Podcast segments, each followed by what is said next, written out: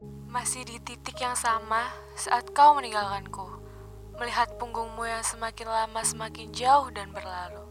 Sedangkan aku masih berjibaku dengan not ini dan pikiranku. Menghitung setiap rentang detik, merasa sepi di antara ramai yang berisik. Dan jika setiap momen bersamamu adalah titik, entah sudah ada berapa paragraf terentang. Apakah sudah ujung kita berjuang? Aku larut.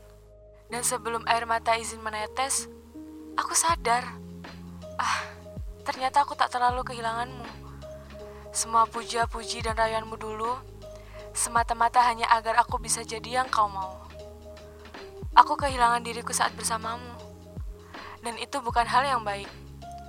Konsumsi ruang dan waktu saat kita bersama, kau mengatur caraku berkata, tertawa, bahkan bersuara. Kau tak pernah benar-benar menginginkanku. Lantas, siapa yang paling mencintaiku? Kemudian, aku melihat pantulan layar dari ponsel ini. Ada. Aku.